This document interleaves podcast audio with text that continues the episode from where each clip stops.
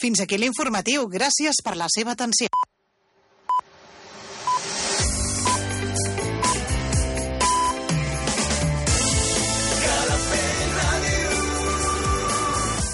Són les 8. Escolta'ns a Calafell Ràdio, al 107.9 de la FM. Mira'ns al web calafell.tv.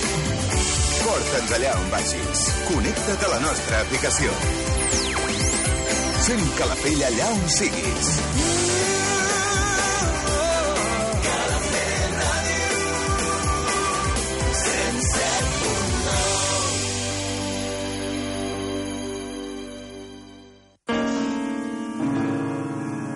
L'Hora del Jazz. Un programa que t'apropa als millors compositors i les obres del gènere més rellevants. Ramon Robuster dirigeix i presenta L'Hora del Jazz, els dimecres de 8 de la tarda a 10 de la nit, amb repetició els diumenges a partir de les 11 de la nit.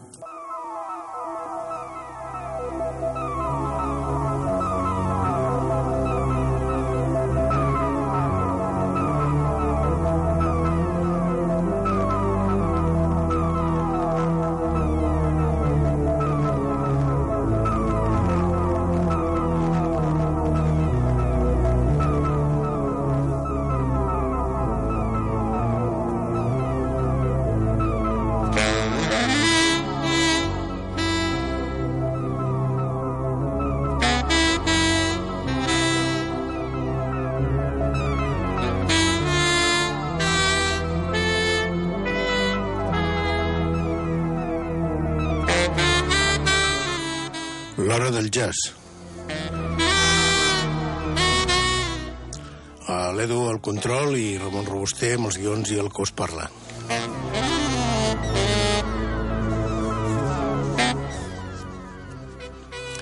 Uh, com haureu notat, avui estem amb aquesta galipàndria que toca cada any agafar. Uh, per tant, intentarem posar la màxima quantitat de música, parlar el mínim que puguem, perquè, com veieu, tenim una veu que, que ens hi fa una mica de por i tot, no? Eh, de totes maneres, tenim uh, un programa interessantíssim eh, des del punt de vista de la innovació i des de novetats. Eh, aquest, aquest, aquest sistema que volíem establir eh, quan vam començar fa un, un temps, uns anys, fent dues hores amb l'hora del jazz de Calafell Ràdio, que tindria que ser dues, no, no és l'hora, sinó que són més, no? Eh, que volíem fer sempre, en primer lloc, posar un, un clàssic, una peça, un, un, un LP o un CD que hagués sigut, eh, que hagués marcat uns moments importants o, o que simplement ens agradés molt, no? Eh, de fa uns anys mm, quasi no podem seguir, perquè les novetats són tan i tan importants que i n'hi ha tantes que mm, se'ns fa bueno, tenim de deixar aquesta, aquesta, aquest sistema i passar directament a novetats. I avui presentarem dues, un, dues novetats del 2018 i una de l'any passat, del 12 de maig de l'any passat. Aquesta primera que escoltarem és aquesta de l'any passat i és un, un grup eh, que s'anomena Salos, que en, en principi eh, per lo que he llegit, eh, és una paraula que vol dir tres eh, amb, amb l'idioma d'Israel i mm, es basa en això, es basa en un trio eh, que sembla de bon principi, eh, primer cop d'ull, sembla que tindria que ser un trio clàssic de piano, baix i bateria, però que des del seu eh, moment que va néixer, que va ser el 2014, amb un primer àlbum eh, que, que van treure que s'anomena The Bill, The Bill Garden, que van treure al març del 2014, va tindre amb aquest debut aquest trio de jovens, estan a l'entorn dels 20 i pico anys, aquests tres músics israelins, doncs eh, van tindre un èxit fantàstic eh, per tota Europa, per tot arreu, i en aquests dos anys eh, següents fins a arribar a lo que estem han tingut més de 250 espectacles per tot el món, sobretot per Europa, i al final ja també han fet el salt cap a, cap a Japó i cap a altres postos i està programat també que compareixin també amb, amb, directe als Estats Units. Eh, són el senyor Gadi Stern amb el piano, el David eh, Michaeli amb el baix i el Matan Asayang amb la bateria.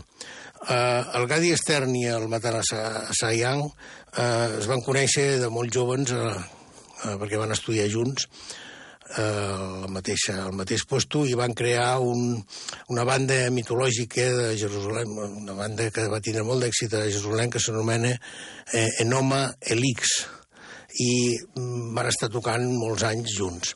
Després eh, el, el, el pianista, el Gadi Stern, va marxar cap als Estats Units, cap a Nova York, i des d'aquí es va tornar a trobar amb, amb, el, amb el bateria i al final van formar el 2014 aquest trio que escoltarem avui eh, d'aquests músics jovens i que tenen un futur brutal perquè eh, és una... Eh, amb la seva discografia, si voleu entrar a través d'internet a conèixer una mica eh, aquest trio, eh, parla de que és una música crua, acústica, progressiva, eh, que està més enllà de qualsevol regla d'estil o definició.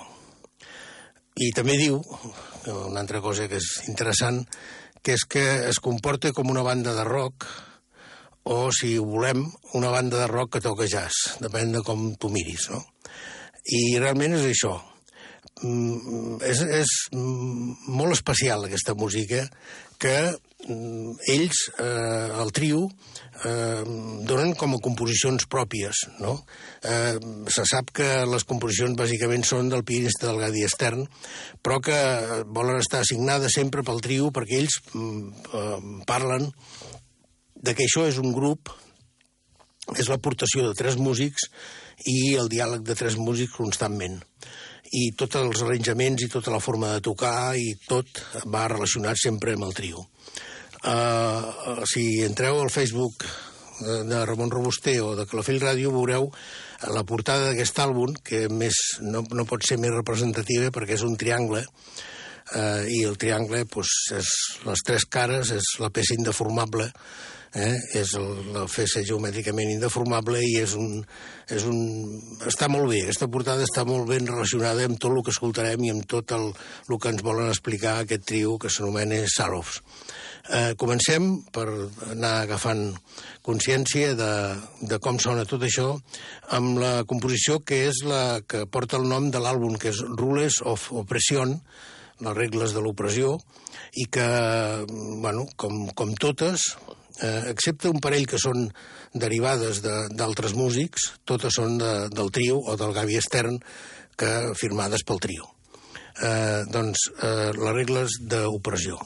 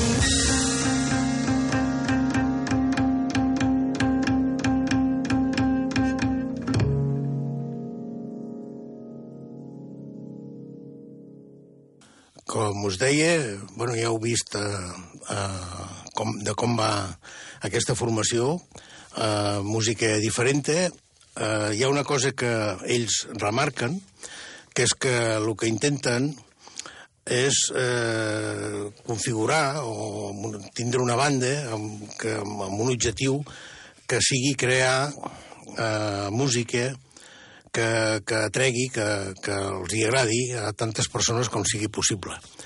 Això em sembla que, em sembla que és el que vol tots els músics, no? Però és, és, és una manera, de, de, tal com ho estan fent, és una manera que és possible que això passi, no? Que molta gent que no està habituada amb el jazz, al moment d'escoltar aquest grup trobi que ja tingui un interès amb, amb, amb aquesta música i, i bé, el primer àlbum ja anava, de, ja anava per això, no? I anava en aquest sentit de poder aportar eh, que, que sigui una música que d'entrada sigui fàcil, però que ja veieu que té un contingut brutal i unes maneres d'expressar de, totalment diferents de lo que és un, un trio clàssic de, de piano, jazz i bateria. I una prova més d'això la tindrem amb l'Ancaster, que és la segona que escoltarem, que és una peça molt més tranquil·la, bastant lírica, eh, però que el bateria eh, li, li dona un discurs bastant incisiu, bastant eh, que, que fa anar, que, que, que porta cap al grup cap, un, cap, cap uns finals de, de la peça poder una mica èpic, però bueno, això també a vegades va bé, no? És una peça també una mica descriptiva i, i, i molt maca, com totes les del grup, totes, totes les peces que estan, que en total n'hi ha nou amb aquest eh, segon CD, eh, totes són d'un estil similar, de, de, amb aquest aire especial. Algunes canvien una mica, ja ho explicarem després, perquè incorporen més músics, però eh, el trio va per aquest aire, Lancaster. I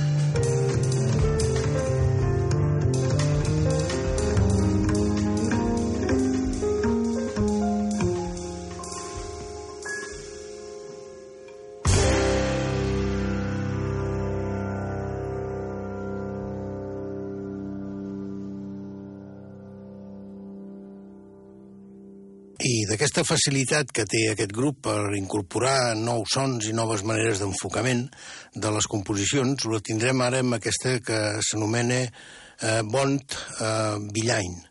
Eh, és una peça fantàstica, la composició, i la manera d'interpretar-la també, perquè hi ha uns canvis eh, potents, i incorpora aquí la veu d'un cantant que, que es diu Tal eh, Ganor. Eh, és una de les aportacions que hi ha eh, dintre d'aquest àlbum, perquè després també eh, ja veureu que n'hi ha alguna més. Eh, sentim això, que és una peça narrativa, descriptiva, quasi sembla una mica com si fos per fer una pel·lícula, no? Eh, és molt, molt especial perquè hi ha uns canvis eh, forts i que aniria bé poder amb una, no sé quin tipus de pel·lícula, però bueno, és una mica cinematogràfica aquesta peça. Eh, bon eh, Vilany.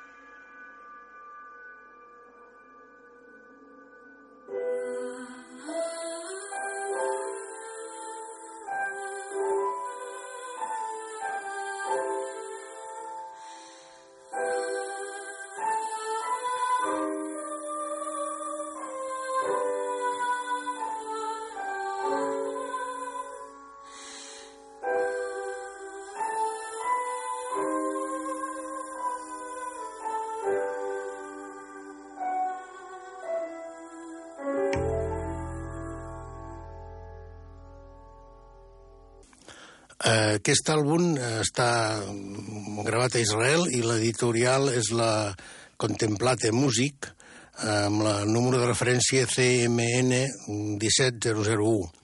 Em sembla que també amb una altra editorial francesa també es va editar amb el nom de l'editorial francesa. La veritat és que ha sigut un àlbum d'un èxit eh, total. Els hi ha portat tota aquesta eh, fantàstica programació que tenen per, per, per infinitat de països, eh, arribant doncs, a, a Corea, a Inglaterra, Alemanya, Polònia, a Bèlgica, França, Romania, en fi, Suïssa, Itàlia, no, no tinc coneixement de que haguessin, hagin vingut per Espanya, però, en fi, o per Catalunya, eh, Turquia, Israel, Estats Units i el Canadà, que ho faran durant aquest últim any, el 17 i el 18. I també hi ha la qüestió de que estan ja preparant per aquest 2018 eh, una editorial alemana, eh, una gravació nova, d'aquest grup. Per tant, estem parlant d'una cosa que va començar el 2014 i que està portant amb aquest trio amb, amb un èxit brutal per tot arreu. Uh, I aquesta història diferent que us deia, uh, a mi m'agrada, perquè uh, és, és un tema que moltes vegades limita una mica segons quins grups. Però aquí ells diuen, escolti, jo necessito, amb una composició que es diu Poema del Toro, Poema the Bull, eh, que és d'ells mateixos, jo necessito aquí molta més gent, i incorporant ni més ni menys 11 músics més amb violins, viola, violoncels, oboe, flauta, clarinet, fagot, una banya francesa, trombó i trompeta. Per tant, eh, eh, bueno, han agafat tots aquests 11 músics, no cal que ara us dongui els noms de tots, perquè, bueno, eh, eh, no va per aquí la cosa, però sí que estan eh, remarcats amb l'àlbum, no?, de que hi ha tota aquesta col·laboració, i a més a més per, per, per la, la, la, la part orquestal d'aquest arranjament l'ha fet eh, Yuval Wilner, aquest sí que el nomeno, i, i, i, i ells, com, com a trio, amb el seu piano, baix i bateria, darrere de tot això i darrere la composició. I això és, eh, també és una manera interessant de crear... Clar, i això possiblement amb un directe és quasi impossible de fer, no? Però amb una gravació, amb uns estudis, amb una bona gravació, pots disposar d'aquests músics, pots invitar-los i pots crear aquestes sensacions diferents que vols explicar amb una composició. I aquesta és la poema del toro que escoltarem ara mateix.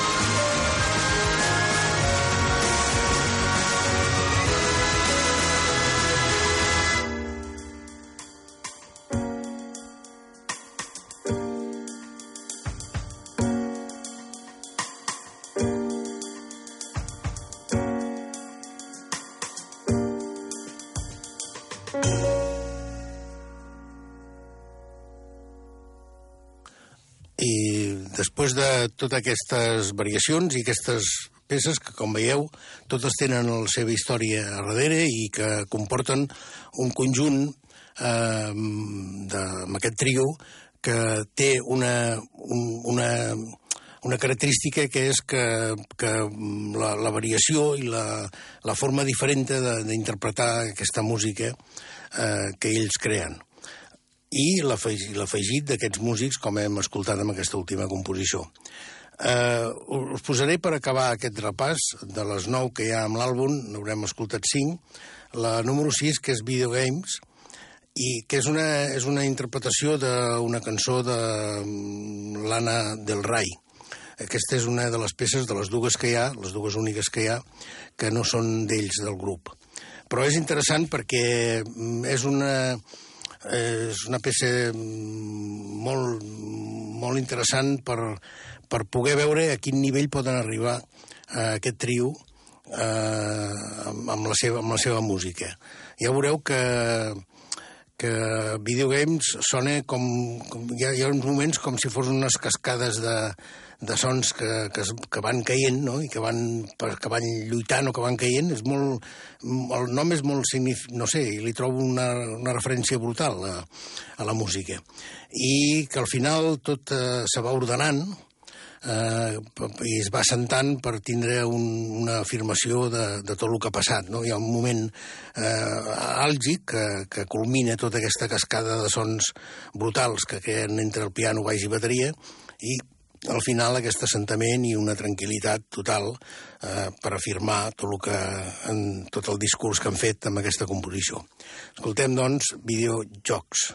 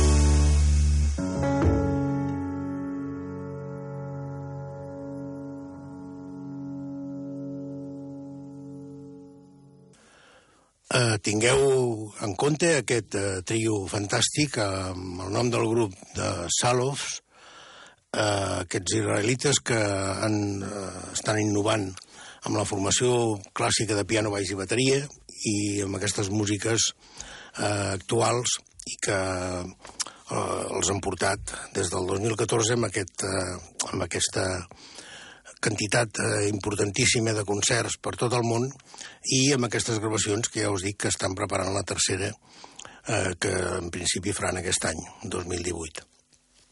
Deixem eh, aquest grup i passem amb una novetat d'aquest febrer, del 2 de febrer d'aquest any. És una, un, un personatge que sempre hem estat seguint eh, amb tot el que va publicant, que és el senyor Henri Teixier, eh, compositor i director de, de grups i el seu gran instrument, el contrabaix. Aquesta, aquesta edició d'aquest LP i CD, que el podeu trobar en vinil d'aquests d'alta qualitat de 180 grams i en CD, eh, és, una, és una història interessant perquè mm, està format per sis composicions, la majoria molt llargues, entre 10-12 minuts, quasi totes, excepte una, de set. Eh, totes d'ell, totes de l'Henri Teixier, i eh, amb ell hi incorporat quatre músics més, que són el seu fill, el Sebastián Teixier, amb els saxos alt i clarinets, el Vincent Lequanc, amb el saxo tenor i soprà, el Manu eh, Kotja, amb la guitarra, un guitarrista fantàstic, fabulós, i Gratier eh, Garriga a la bateria.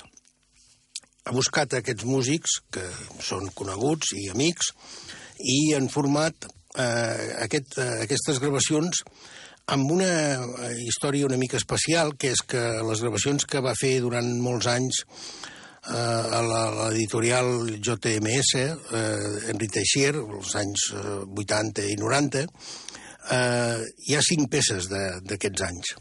I algunes d'elles que només les havia interpretat ell com a, com a ell, ell, en solitari, o sigui, amb el seu baix.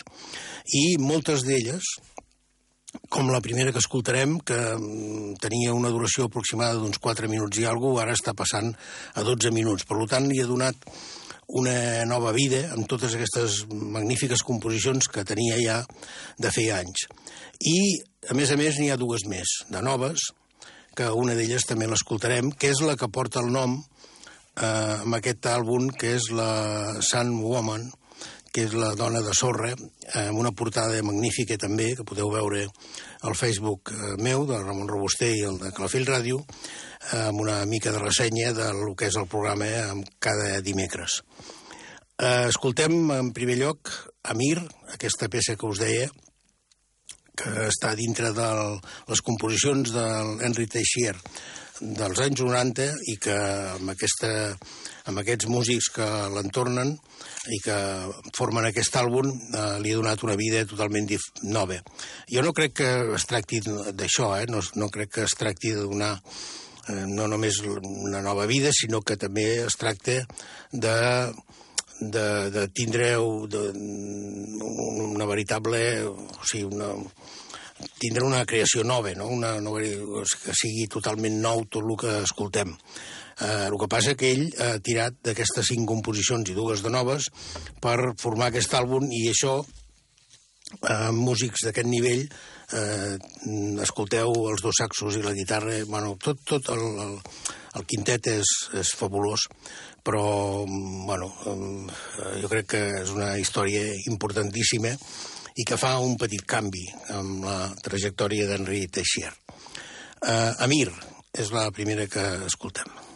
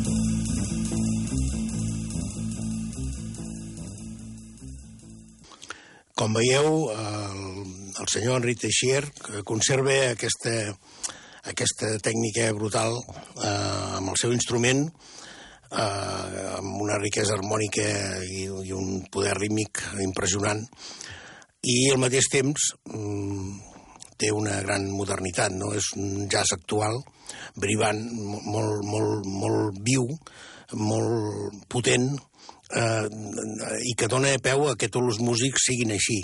Eh, aquesta inventiva que, que aporta amb les composicions fa que tots els músics vagin amb aquest nivell d'aquesta vibració mm, brutal i amb aquesta vivesa i, i actualitat que, que té el grup en aquests moments. Uh, les, la peça que escoltarem ara és la, és la que porta el nom de l'àlbum, Sun Woman. Aquest àlbum és un uh, label bleu de referència LB, LBV 6728, a veure si ho torno a dir bé, LBLV 6728, si el voleu buscar podeu trobar, com us he dit, també l'EP i en CD. Doncs la que porta el nom de l'àlbum, que és el Sun Woman, aquesta dona de sorra, doncs l'escoltem per continuar amb aquesta, amb aquesta... Jo crec que és un àlbum important d'aquest 2018. Crec que és un dels àlbums que, que se'n parlarà i que tindrem com a referència d'aquest 2018.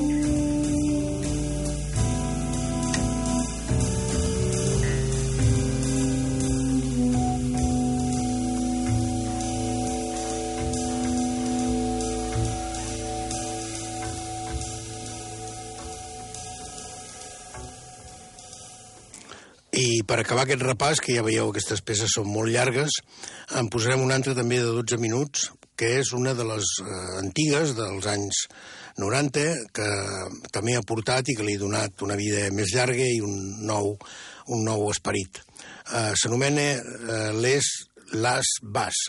Eh, us repeteixo, Henri Teixier, contrabaix, i amb les composicions Sebastián Teixier, que és el fill d'ell, el saxo alt i clarinets, el Vincent eh, Lequanc amb el saxo tenor i soprà, eh, Manu Kotgia amb la guitarra elèctrica, ja ho heu escoltat que hi ha moments increïbles d'aquest eh, guitarrista, i Gautier Garriga a la bateria. Eh, és un àlbum que s'anomena, com la composició que hem sentit abans, que és una de les noves que hi ha en aquest àlbum, que és Sound Woman, la dona de sorra. Ara escoltem les, les Bas, eh, per acabar aquesta representació, una peça en el que hi ha també uns moments, hi ha un moment amb uns canvis amb l'entrada del baix que són magnífics.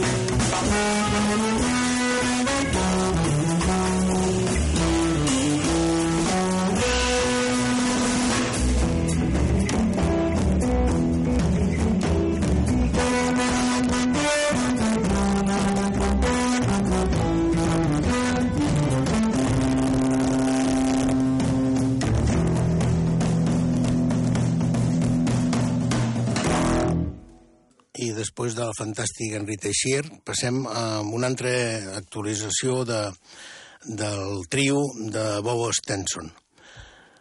Eh, és un àlbum d'ECM del 19 de gener, va sortir eh, a la llum, i és el trio de, de Bobo Stenson amb l'Andrés Jormin i el John Flight amb la bateria. És un àlbum curiós perquè eh, està format per 11 composicions. Només n'hi ha una que sigui d'ell, del Bobo Stenson.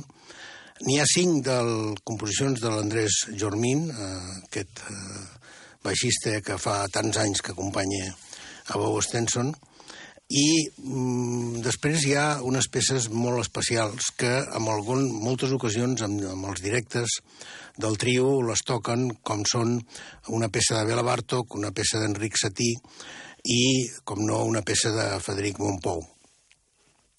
Eh, com veieu, és una, és un, una descripció interessant de, de lo que els hi agrada, bàsicament, amb el trio. Eh, hi, ha, hi ha alguns moments en què eh, amb articles eh, s'han publicat coses com que una vegada el, el Hollywood Jazz, eh, ell va dir que no importava eh, molt d'on provenia la música. Diu, per nosaltres és més sobre el que fem amb ella, amb ella, o, sigui, o intentem... O sigui, el interessant és el que fan amb ella, eh, bàsicament. És que la traducció a vegades és complicada. Eh, intent, intentem ser fidels a l'original i també intentem fer una mica més amb ella eh, realment ho fan molt, una mica més, perquè les interpretacions d'aquest trio són fantàstiques, és un dels personatges sempre a seguir, i aquesta nova aportació de l'ECM d'aquest gener passat eh, és d'aquest nivell. Eh, el nom de l'àlbum que podeu trobar és Contra la Indecisió. És un àlbum eh, titulat en castellà perquè la primera composició de l'àlbum és aquesta de Contra la indecisió de Silvio Rodríguez, que, que sabeu que aquest és aquest cantant i dissident cubà, doncs, eh, bueno, és un clàssic d'ell, no? I eh, aquest és el nom de l'àlbum. Eh, I això és el que escoltarem per començar i per començar a fer una mica de repàs d'aquest àlbum de Bob Stenson. Eh,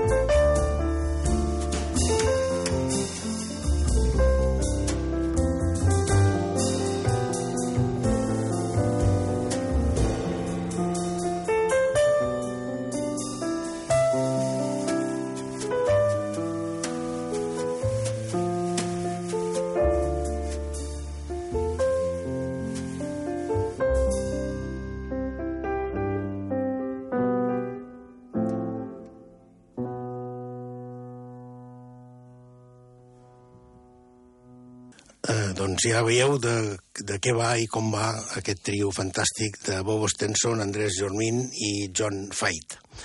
Uh, la peça que us posaré ara és aquesta peça que hi ha de Bela Bartok, que és el Wending Song from Poniki, més o menys traduït és la cançó del casament de Poniki, una peça coneguda de Bela Bartok i que en moltes ocasions amb els directes eh, interpreten el trio de Bobo Stenson. Sentim-ho. Thank you.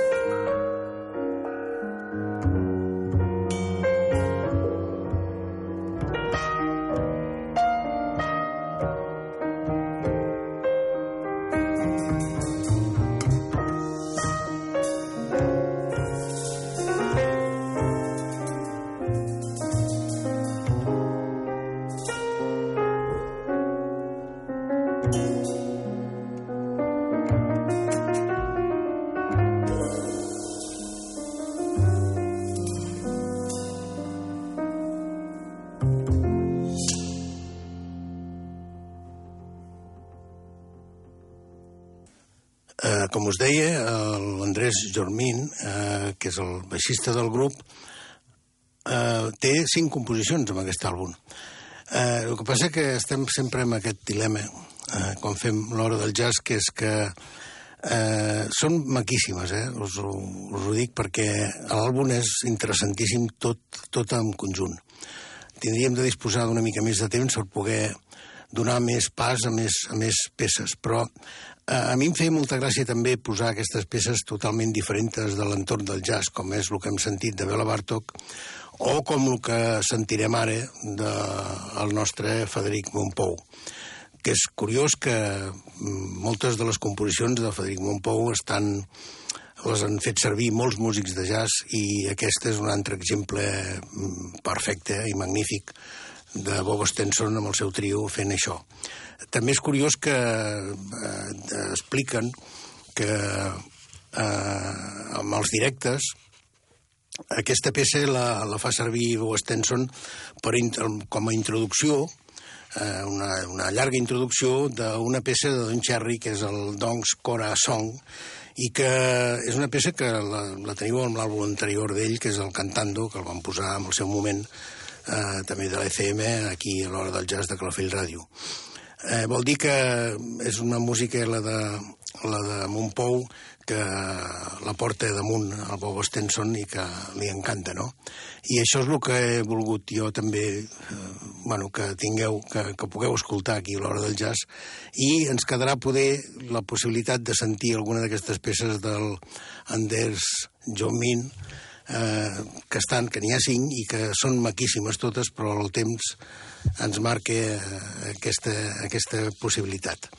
Eh, sentim, doncs, la cançó i dansa número 6 de Federic Montpou.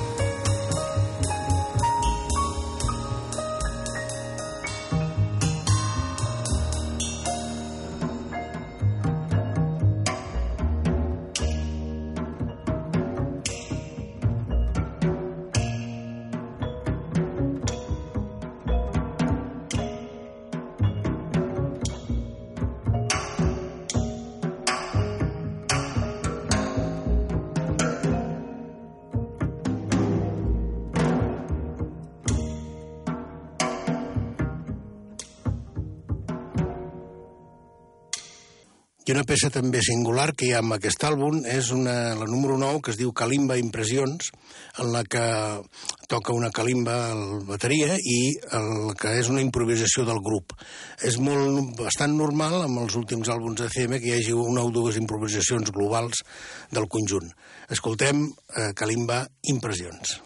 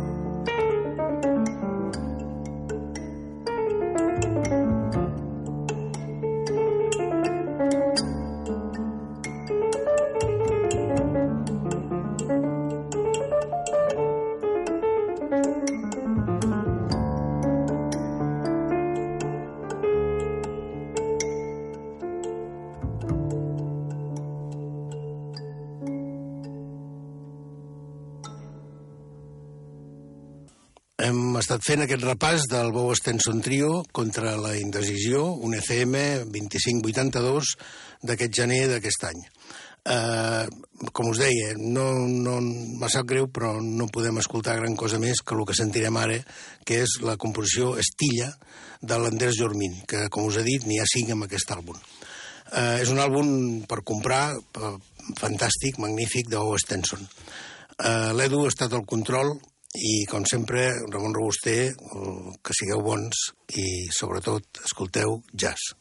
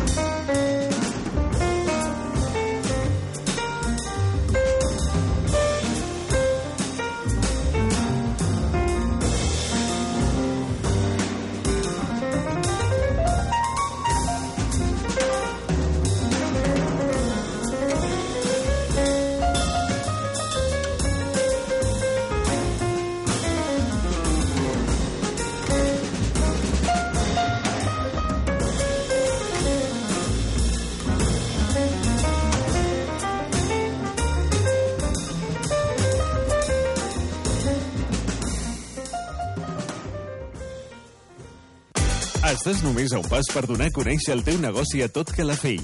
977 69 44 44. Anuncia't a Calafell Ràdio.